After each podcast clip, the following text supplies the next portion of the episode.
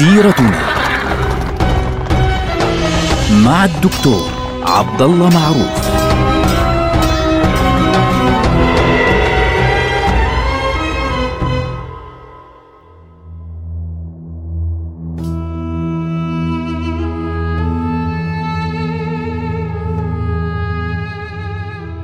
السلام عليكم ورحمة الله تعالى وبركاته. سيرتنا سيرة رسول الله صلى الله عليه وسلم ابتداء مؤسس هذه الأمة. نحن الآن في العام الرابع للبعثة وننتظر لحظة إعلان دعوة النبي صلى الله عليه وسلم. النبي صلى الله عليه وسلم اتخذ خطوة مهمة جدا في البداية بأمر الله عز وجل نزل قوله تعالى وأنذر عشيرتك الأقربين فدعا بني هاشم وطلب منهم حمايته فأعطوه الحماية وفشل أبو لهب في أن آه، يمنع هذه الحماية عن النبي صلى الله عليه وسلم الآن ينزل أمر الله عز وجل على النبي صلى الله عليه وسلم فاصدع بما تؤمر. أعلن خلاص. لاحظوا الكلمة حتى فاصدع. الصدع هو الشق. يعني كأنك عندما تعلن هذا الخبر تعلن هذه الدعوة ستشققهم وتشقق هذا الكفر والشرك والبعد الكبير عن رب العالمين بهذه الطريقة. فبالتالي فاصدع بما تؤمر. فالنبي صلى الله عليه وسلم خلاص جاءه الأمر. كيف سيفعل النبي صلى الله عليه وسلم؟ يذهب رسول الله صلى الله عليه وسلم إلى جبل الصفا. الصفا اللي بيعملوه الناس بتمر عليه في السعي بين الصفا والمروة. فيذهب النبي صلى الله عليه وسلم هناك في الصفا ويصعد فوقه ويبدأ بالنداء يا بني كذا يا بني كعب بن لؤي يا بني آه، مخزوم يا بني هاشم يا بني سهم يا بني زهرة يا بني عدي يا فينادي يا بني كذا يا بني كذا. طبعا ليست هذه من عادة رسول الله صلى الله عليه وسلم أنه ينادي بهذا الصوت المرتفع. فاجتمع له خلق كثير. وبدأوا يعني حتى اللي ما بيقدر يروح يعني يبعث له واحد يقول روح شوف إيش ماله محمد. يعني يرسل للناس جميعا يعني يقول لهم أخبروني. يعني ما ماذا الحدث؟ ما هو الحدث؟ فيأتي النبي صلى الله عليه وسلم أو يأتون إلى النبي صلى الله عليه وسلم ويقفون أمامه. فالنبي صلى الله عليه وسلم ابتداء بده ياخذ منهم إيه؟ الانطباع الأول الإيجابي. بده ياخذ منهم أول شيء تقرير أو إقرار منهم أنه صادق. يقول, يقول لهم صلى الله عليه وسلم يا معشر قريش أرأيتم لو أني أخبرتكم أن خيلا بظهر هذا الوادي تريد أن تغير عليكم؟ أكنتم مصدقي بتصدقوني لو قلت لكم أنه هناك خيل موجودة خلف الجبل هون ورا الوادي هذاك. ها تريد أن تغير عليكم. بتصدقوني؟ يعني خلص العدو هنا صار عندكم. طبعا هذا بالنسبة لهم كلام خطير إنه كيف يعني إحنا مصبح يعني صاحيين ومصحصحين وإلى آخره ثم تأتينا وتقول كذا؟ فقالوا له نعم نصدقك. والله ما جربنا عليك كذبا قط. إذا قررهم بحقيقة. إنه هو صادق لم يكذب أبدا. هذه كلمة مهمة جدا. النبي صلى الله عليه وسلم صاروا يعني خلص قد أقروا له بهذه القصة أو بهذه النقطة. فعند ذلك قال فإني رسول الله إليكم بين يدي عذاب عظيم. أنا رسول الله. أريد أن أخبركم بأن الله عز وجل أمرني بكذا. لسه بده يخبرهم فإني رسول الله إليكم بين يدي عذاب عظيم. طبعا الناس في اللحظة الأولى هاي يعني بالعقل نحن الآن قلنا له إننا لن لم نجرب عليك كذبا قط. فليش بده يكذب علينا الآن؟ فكان الناس بيفكروا بهذا التفكير لولا أنه في صوت خرج من بينهم. وللأسف هذا الصوت هو يعني من أشد الناس فعليا على النبي صلى الله عليه وسلم في هذه اللحظة. من هو؟ أبو لهب عم رسول الله صلى الله عليه وسلم. الذي قال له تبا لك سائر اليوم. آه، تبا لك سائر اليوم. كلمة سيئة. ألي هذا جمعتنا استخف به وذهب.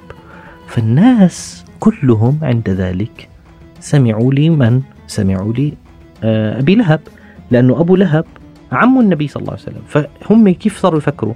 انظر كيف رد عليه عمه. إذا عمه رد عليه بهذه الطريقة. عمه اخو أبيه أقرب الناس إليه وكان يحبه. بالعكس كان يعني كان قد زوج ابن يعني ابنيه لابنتي النبي صلى الله عليه وسلم. فبيقول له يعني إذا عمه هيك قال إحنا آه، يعني أحنوا عليه من عمه. فبالتالي تركوه وذهبوا. طبعا لهذا لهذا السبب فقط كان أبو لهب الوحيد. المشرك الوحيد الذي ذكر اسمه في القرآن صراحة. تبت يدا أبي لهب وتب.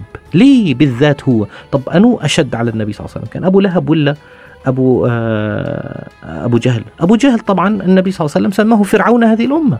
والوليد بن المغيرة وهذول الجماعة كلياتهم أبي بن خلف والأخنس بن شريق وعقبة بن أبي معيط هذول مجرمين كلهم. لكن في ذلك الوقت الأثر الذي كان لعمه لأنه عمه كان أشد على الناس جميعا. فبالتالي الأثر الذي يعني يعطيه القريب آه، أشد بكث يعني بكثير. عشان هيك هذه رسالة للجميع. إخواننا المسلمين اللي, اللي ممكن أنت تسمعني اليوم وبكرة تروح تسافر ولا تروح على مجتمع غير مسلم مثلا في أوروبا ولا في أمريكا ولا في أستراليا ولا في أي واحدة من هذه البلدان ولا في شرق آسيا إلى آخره.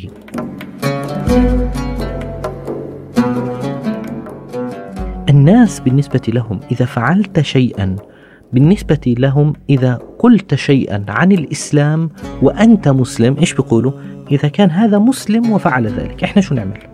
فبالتالي رفضوا الأمر الذي أخبرهم به النبي صلى الله عليه وسلم بسبب عمه. نفس الشيء الناس راح ترفض هذا الدين بسببك أنت لأنك ابن هذا الدين. لاحظت كيف؟ فتعلم هذه المعلومة وافهمها جيدا وافهميها جيدا في حياتك في المستقبل. فالنبي صلى الله عليه وسلم هنا يعلن دعوته للناس وبدأ يدعوهم علانية هنا وهناك في كل مكان. طبعا يقول الصحابة إن باقي الجميع طبعا لم يعلن دعوته في البداية. ولم يعلن أنه مسلم ولم يكن مطلوبا من المسلمين أصلا أنهم يعلنوا إسلامهم. كان مطلوبا من النبي صلى الله عليه وسلم أن يعلن الدعوة. لكن باقي المسلمين كانوا يخفون إسلامهم وهذا شيء طبيعي. لكن في مجموعة منهم آثروا أن يعلنوا الدعوة. يقولون أعلن الدعوة أو أول من أظهر الإسلام في مكة سبعة. منهم النبي صلى الله عليه وسلم أول واحد وأبو بكر الصديق رضي الله عنه رقم اثنين وآل ياسر. ياسر. وزوجته سمية وابنهما عمار ابن ياسر الثلاثة وعبد الله ابن مسعود رضي الله عنه وبلال بن رباح رضي الله عنه. يعني هؤلاء السبعة هم الذين أعلنوا الإسلام أو أعلنوا أنفسهم مسلمين. الآن بالنسبة لقريش الذي هزهم أكثر شيء فعليا واللي أرعبهم عندما أعلن إسلامه كان بلال بن رباح. طبعا إحنا بنسمع عن بلال رضي الله عنه إنه تم تعذيبه عذابا شديدا. ليش بالذات بلال؟ لأنه بلال من يعني أخفض طبقة موجودة في مكة طبقة العبيد اللي هي ممكن تقلب عليهم الدنيا لو إنهم سكتوا لها. ليه؟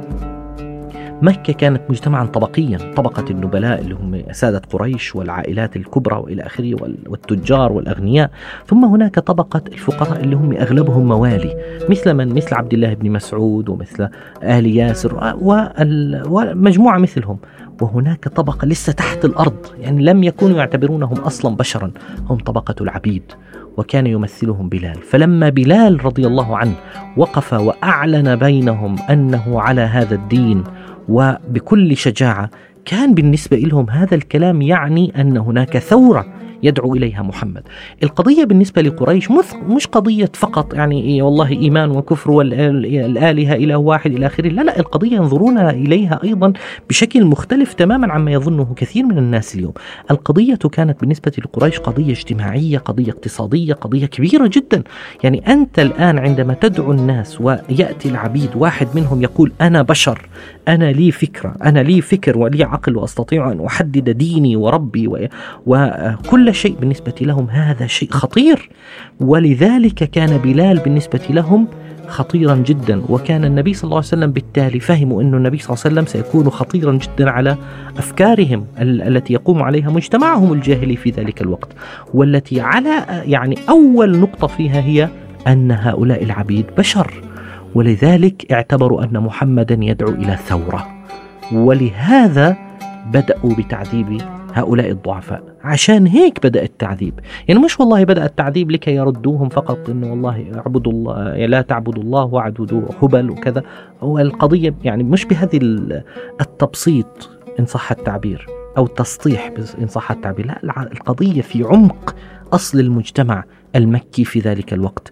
أنت تدعو إلى قضية خطيرة جدا هي ثورة اجتماعية ثورة فقراء وثورة آه، مسحوقين. فعليا يمكن أن تقلب كيان المجتمع. ولهذا بدأ تعذيب المسلمين وانصب أشد التعذيب على بلال بن رباح وآل ياسر ومن معهم من ضعاف المسلمين الذين اكتشف أنهم على دين الإسلام. نلقاكم على خير. والسلام عليكم.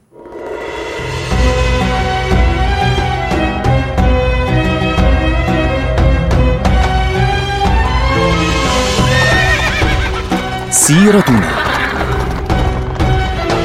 مع الدكتور عبد الله معروف.